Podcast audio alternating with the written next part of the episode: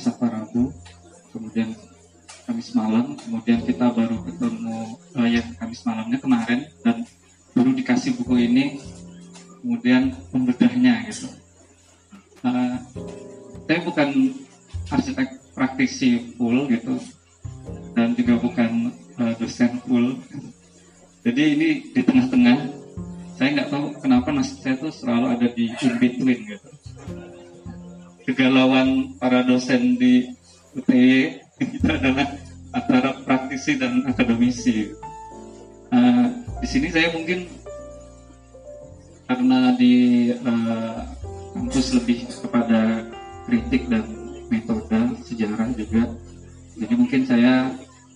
lebih kepada apa ya kritik teks, uh, tapi juga desain.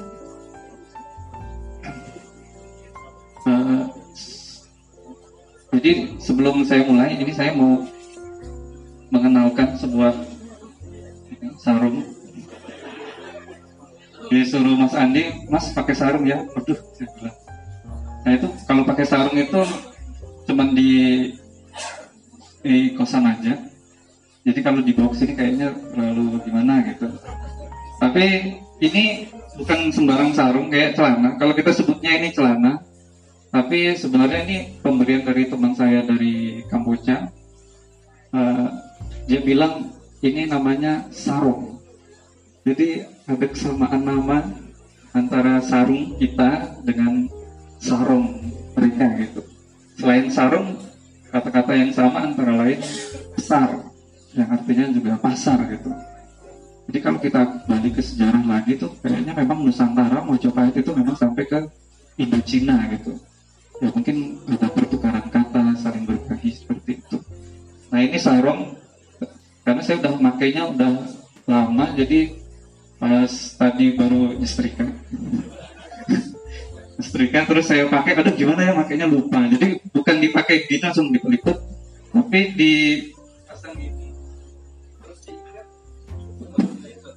ada talinya di sini. Mau dilihat nggak usah ya. Ya. Ini kenang-kenangan nggak pernah saya buang walaupun uh, yang murah gitu ini biasanya dipakai petani-petani di Kamboja sana. Ya, jadi ini untuk biar menggatal-gatalkan dengan Nusantaranya ya mas. Uh, kesempatan ini mungkin saya duduk aja. Ya tapi belum. Mungkin saya mau buat pengakuan gitu. Saya mau buat pengakuan ke Mas Andi Rahman khususnya. Uh, ya kita ada ikatan gitu mas kan sebagai penulis dan pembedah gitu. Jadi sebenarnya saya itu ngikutin Mas Andi Rahman itu dari 2012 atau 3 uh, enggak 10 apa 11 gitu dan sebenarnya posisi saya itu uh, bukan fans fans gitu. bukan fans kebanyakan Mas Andi Rahman tapi justru kritikusnya Mas Andi Rahman gitu tapi mungkin nggak terpublikasi karena saya kadang nulis hanya di blog saja gitu ya terpublikasi juga ya, ya. tapi di blog tapi blognya itu udah lama banget jadi kalau dicari mungkin udah uh, udah mungkin udah ditimpa sama yang lain gitu. Nah, sebelum Mas Andi Rahman itu mulai dengan bata-bata gitu. Udah mulai dari uh, bata-bata itu saya kritis banget. Saya nggak tahu tuh apa pengaruh kuliah S2 tiba-tiba jadi kritis gitu kan. Jadi arsitek yang muncul-muncul kayak gini baru gitu terus saya kritik gitu. Ah, ini gini gini gini gini gini gitu. Eh di mana kok. Malam ini malah justru menjadi pembahas menggantikan Mas Mario kan itu kayaknya kebenaran banget gitu jadi uh, kalau misalnya ada sedikit kritik mohon uh, bisa diterima karena mungkin ini kenangan lama gitu mas memori. Gitu. Ini gimana ya? Ya alasan. Jadi buku ini kolaborasi arsitek dan arsitek ya mas Mas Andi Rahman dan uh, Mas uh, Anas Hidayat. Saya duduk ya. Jadi ini sebenarnya konsep yang menarik gitu. Uh, kalau di barat itu kan orang uh, arsitek itu udah biasa nulis buku. Uh, Rimkulhas selalu mengingatkan arsitek itu harus nulis tapi dia memang pintar nulis gitu kan. Dia buat manifesto sendiri uh, di tahun 78 dengan Deliris New Yorknya gitu. Uh, terkait dengan arsitektur programming dan juga kota gitu. Tapi baru-baru ini aja gitu tiba-tiba dia berbalik gitu. Dia berbalik dia bilang manifesto di Deliris New York itu udah cerita lama. Saya nggak ke situ lagi. Sekarang kita back to village gitu. Kembali ke kampung itu. Ya ampun saya tuh baru mau belajar Delirious New York. Apa sih maksudnya? Tiba-tiba dia udah sekarang ganti tren gitu. Yang biasa dia sebut go to east gitu kan lihat ke timur ada apa di timur gitu.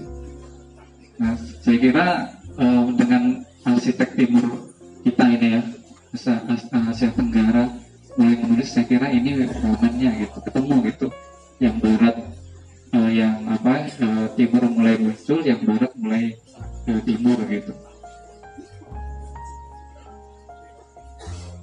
Oke, okay, jadi menulis di sini uh,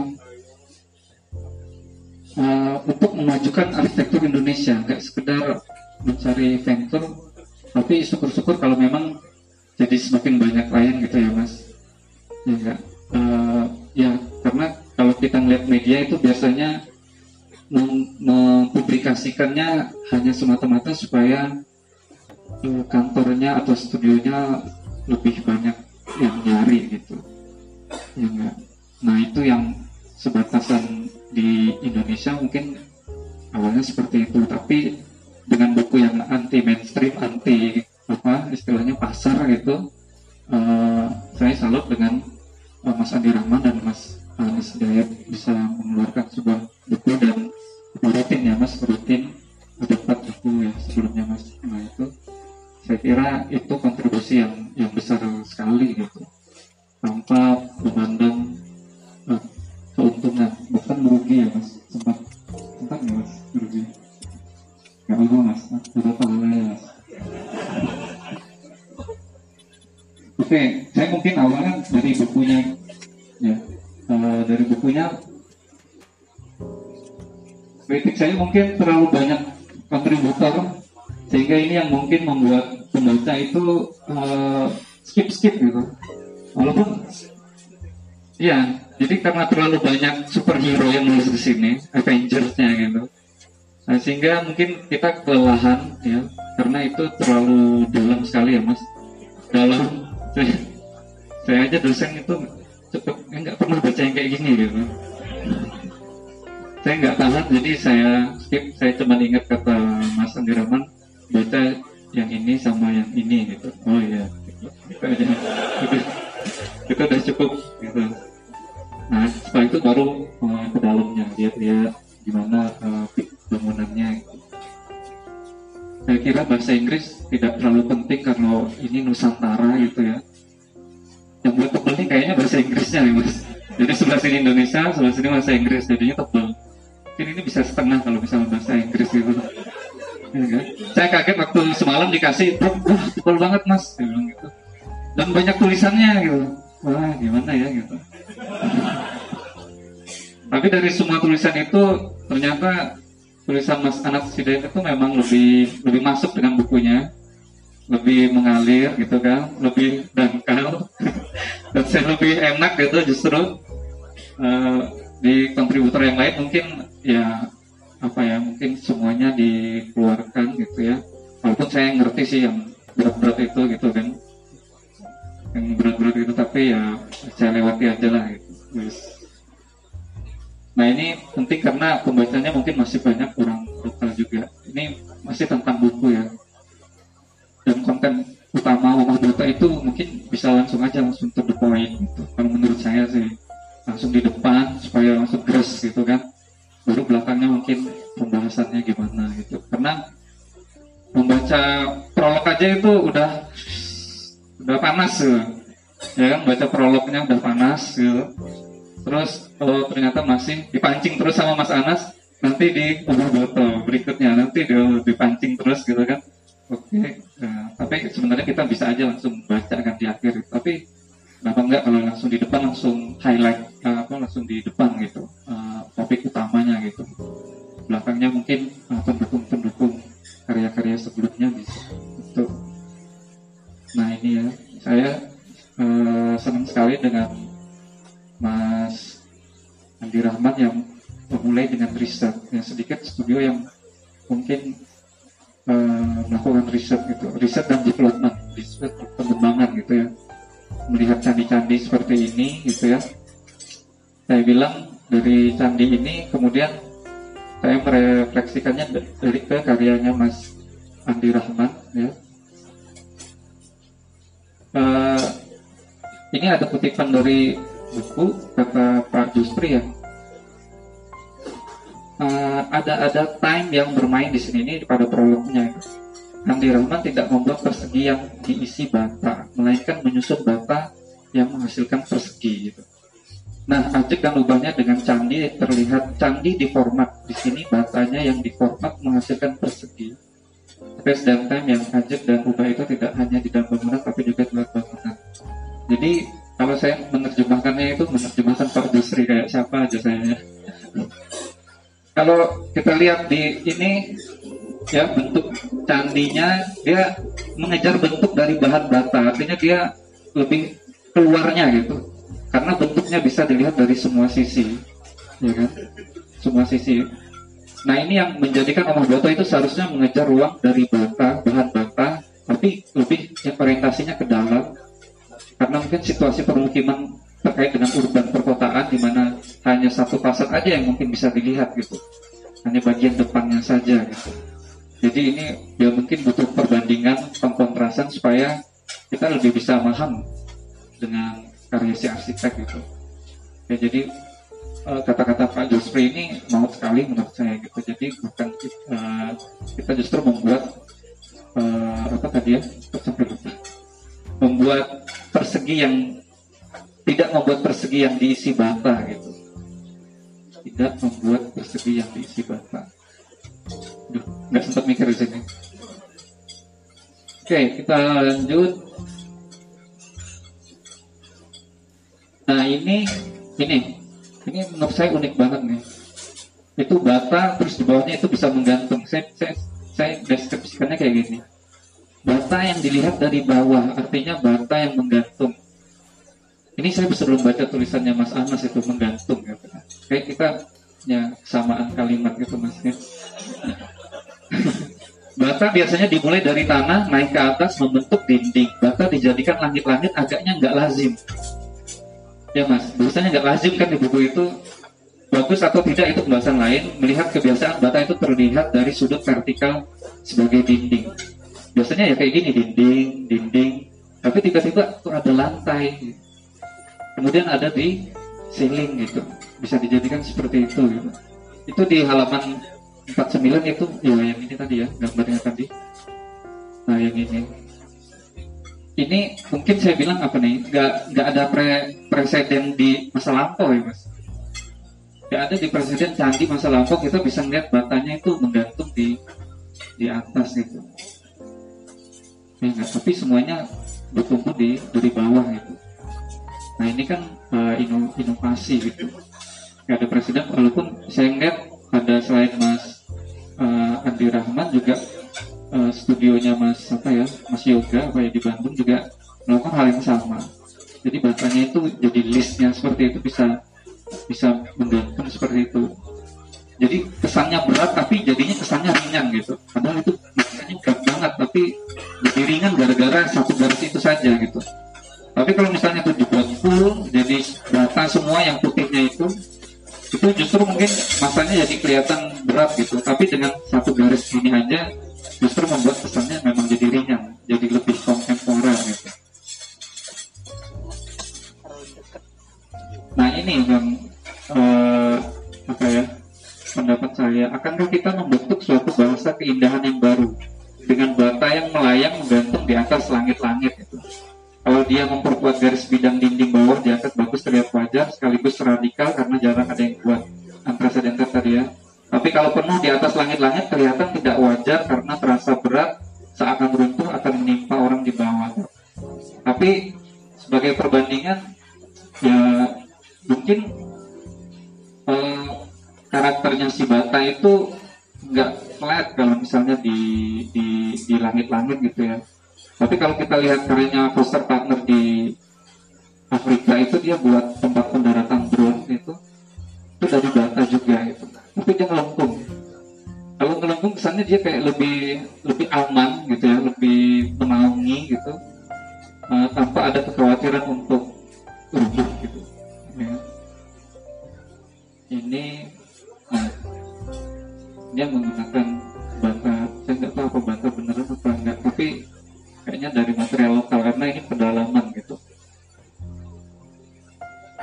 Nah kalau saya melihat Mas Andi Rahman itu kayak gini pemasangan batanya. Jadi benar-benar membuat orang tuh jadi apa khawatir seperti itu akan batanya jatuh dari atas gitu kan. Ini seperti di Esenmen punya di Museum Metzner Center. Jadi setiap orang yang lewat situ tuh selalu ada rasa yang gimana gitu ya. Ini kok kolom tapi menggantung gitu. Kolom itu seharusnya dari bawah ke atas bukan dari atas ke bawah gitu. Nah membuat orang merasa nggak nyaman. Selama ini arsitektur itu menciptakan kenyamanan gitu kan mas. Itu harus kita bongkar gitu. Atau secara sengaja itu terbongkar. Kalau kita menciptakan arsitektur kenapa sih harus nyaman? Kehidupan itu kan nggak selalu nyaman ya mas. Ya enggak jadi kenapa enggak arsitektur juga refleksi dari kehidupan itu kan? Nggak mesti nyaman gitu. Jadi ya kenapa enggak membuat apa e, itu menggantung-gantung dengan besi walaupun tetap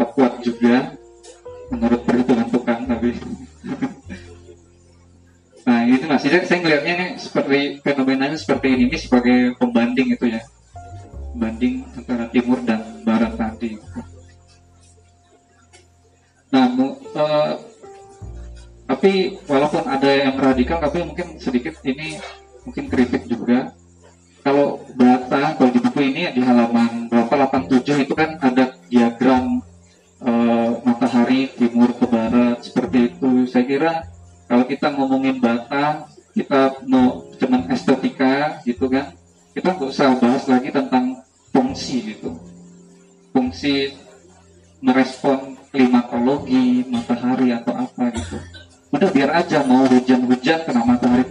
matahari nggak perlu bata itu berfungsi sebagai apa penyaring sebagai apa tapi biarkan dia sebagai estetika saja. Maksud saya gitu gitu. Jadi kesannya analisis tapak itu mungkin uh, hanya tambahan saja tapi menurut saya ya udah lupakan aja lah yang uh, apa analisis tapak studio di kampus itu ya nggak usah. Tapi ya biarin aja kalau memang terjadi apa gitu ya diantisipasi dengan bagaimana gitu. Oke, terus batas sebagai fasad permainan hubungan dengan wah ini gak dalam saya coba ke atas lagi gitu. Teori konfigurasi konsep order yang acak seperti tidak ada order pada bata-bata yang lepas itu mas. Ada fasad yang keluar keluar gitu. Tapi saya kurang bisa menikmati menikmati uh, nikmat itu kan hati dan pikiran gitu kan. Nah, gitu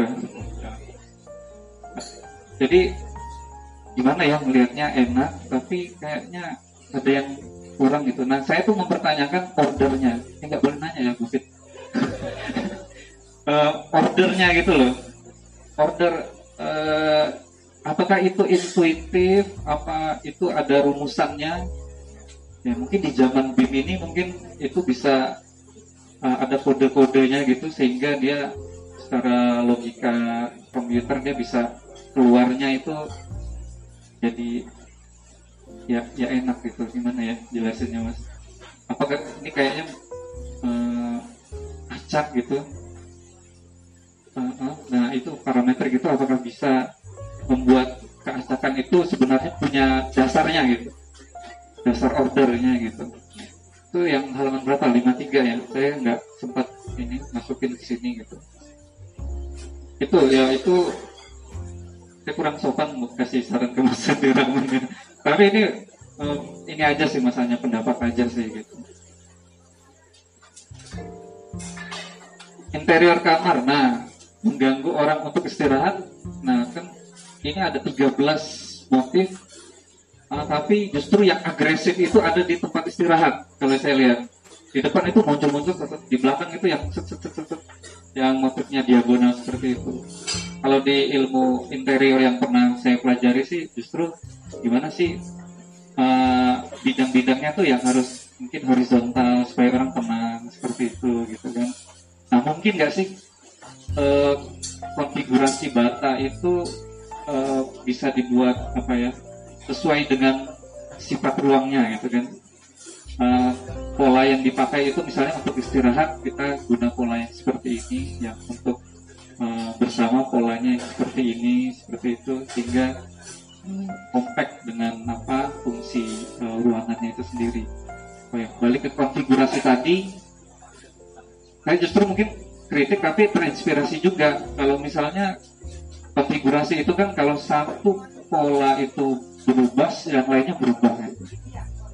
Saya melihat sekilas dari apa polanya bantanya Mas Andi itu dia itu kayak kayak hidup gitu loh kalau misalnya satu tercerabut semuanya berubah gitu ya enggak nah itu eh, gimana bisa bisa menghidupkan bata itu gitu memang lewat beam atau apa mungkin lebih terpola seperti itu teori konfigurasi seperti itu. Bukan pattern. Kalau pattern satu dirubah yang lain nggak nggak ngaruh apa-apa.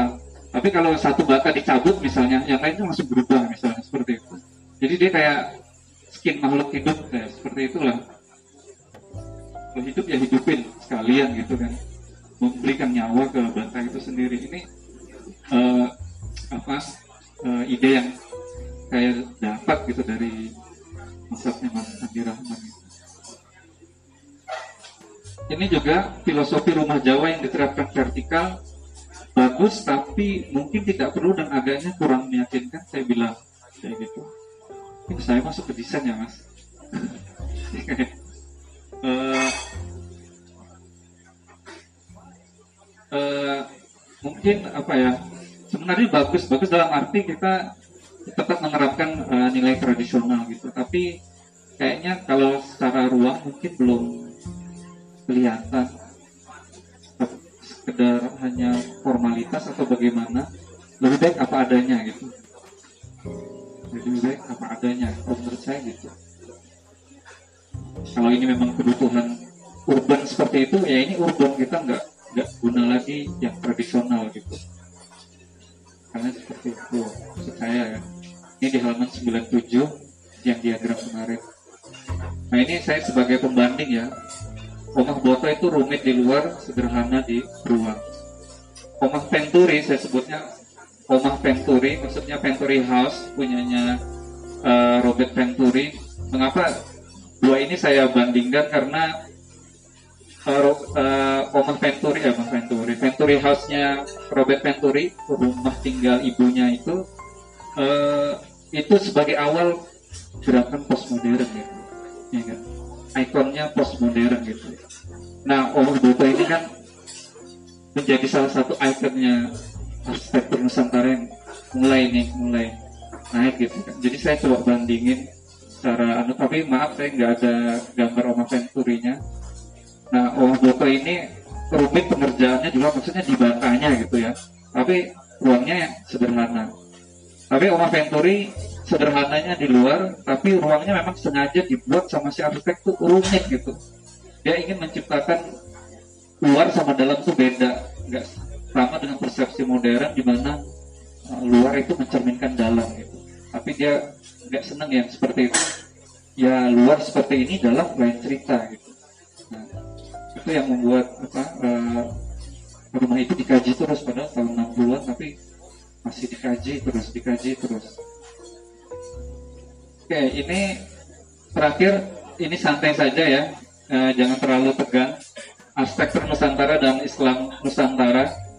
Saya bilang saya nggak tahu kok tiba-tiba di waktu yang sama muncul arsitektur Nusantara di saat yang sama muncul istilah Islam Nusantara. Nggak tahu kebetulannya ini apa gitu ya enggak nah di sini ada saya tulis NU Gusmus Jospri kembali ke masa lalu. Jadi uh, kata kata kata kunci dari kedua term ini kembali ke masa lalu gitu.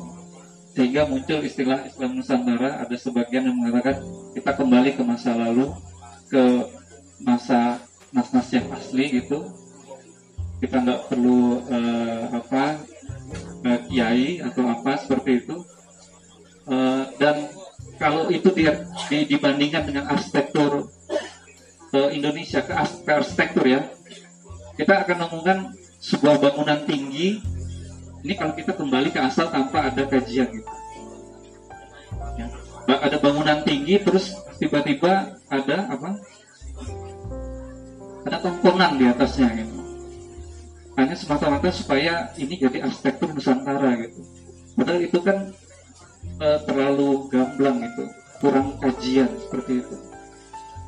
Nah kalau kata Gusmus, kalau mau balik ke masa lalu ya ngaji, dibilang kayak gitu kan. Kalau balik ke masa lalu ya ngaji. Nah sama di arsitektur Nusantara kita juga harus ngaji gitu.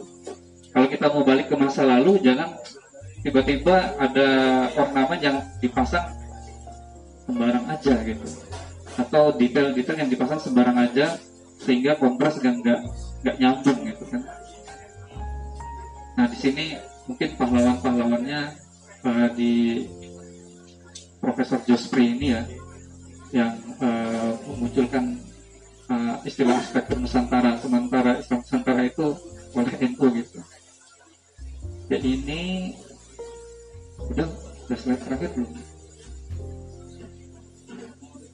Oke, terakhir. Mantra eh belum. Mantra modernisme. Jadi Gehry pernah cerita waktu dia kuliah itu ada mantra yang kuat di saat dia itu bilang itu mantra modernisme dibilang ornament is crime. Kalau kamu desain bangunan terus ada ada crime-nya kamu dibully, ada ada ornamennya kamu dibully gitu. Bangunan itu harus bersih dari ornamen seperti itu. Nah, itu yang membuat uh, orang nggak berani mendesain macam-macam saat itu gitu. Tapi begitu masanya tiba, postmodern muncul, nggak cuma di arsitektur tapi di semua bidang gitu. Akhirnya orang mulai sadar ada yang hilang gitu, ada yang hilang gitu. Di antara bangunan uh, penghuni dengan si bangunannya gitu kan. Nah, arsitek Amerika berkumpul, kemudian men, uh, mencari tahu apa sih kenapa sih kita kok kayaknya jauh punya jarak dengan bangunan modern saat ini gitu. Dan akhirnya ketemu satu kesimpulan bahwa sebenarnya yang membuat kita itu terikat dengan bangunan adalah justru dekorasinya gitu ornamennya itu. Itu yang membuat kita merasa human merasa nyaman gitu dengan si bangunan. Dan saya kira spirit itu yang juga dibawa oleh uh, Mas Andi Rahman ya. Spirit gimana bisa menciptakan keterikatan antara uh, manusia penghuni dengan uh, yang yang dihuninya saya kira itu saja bahasan saya terima kasih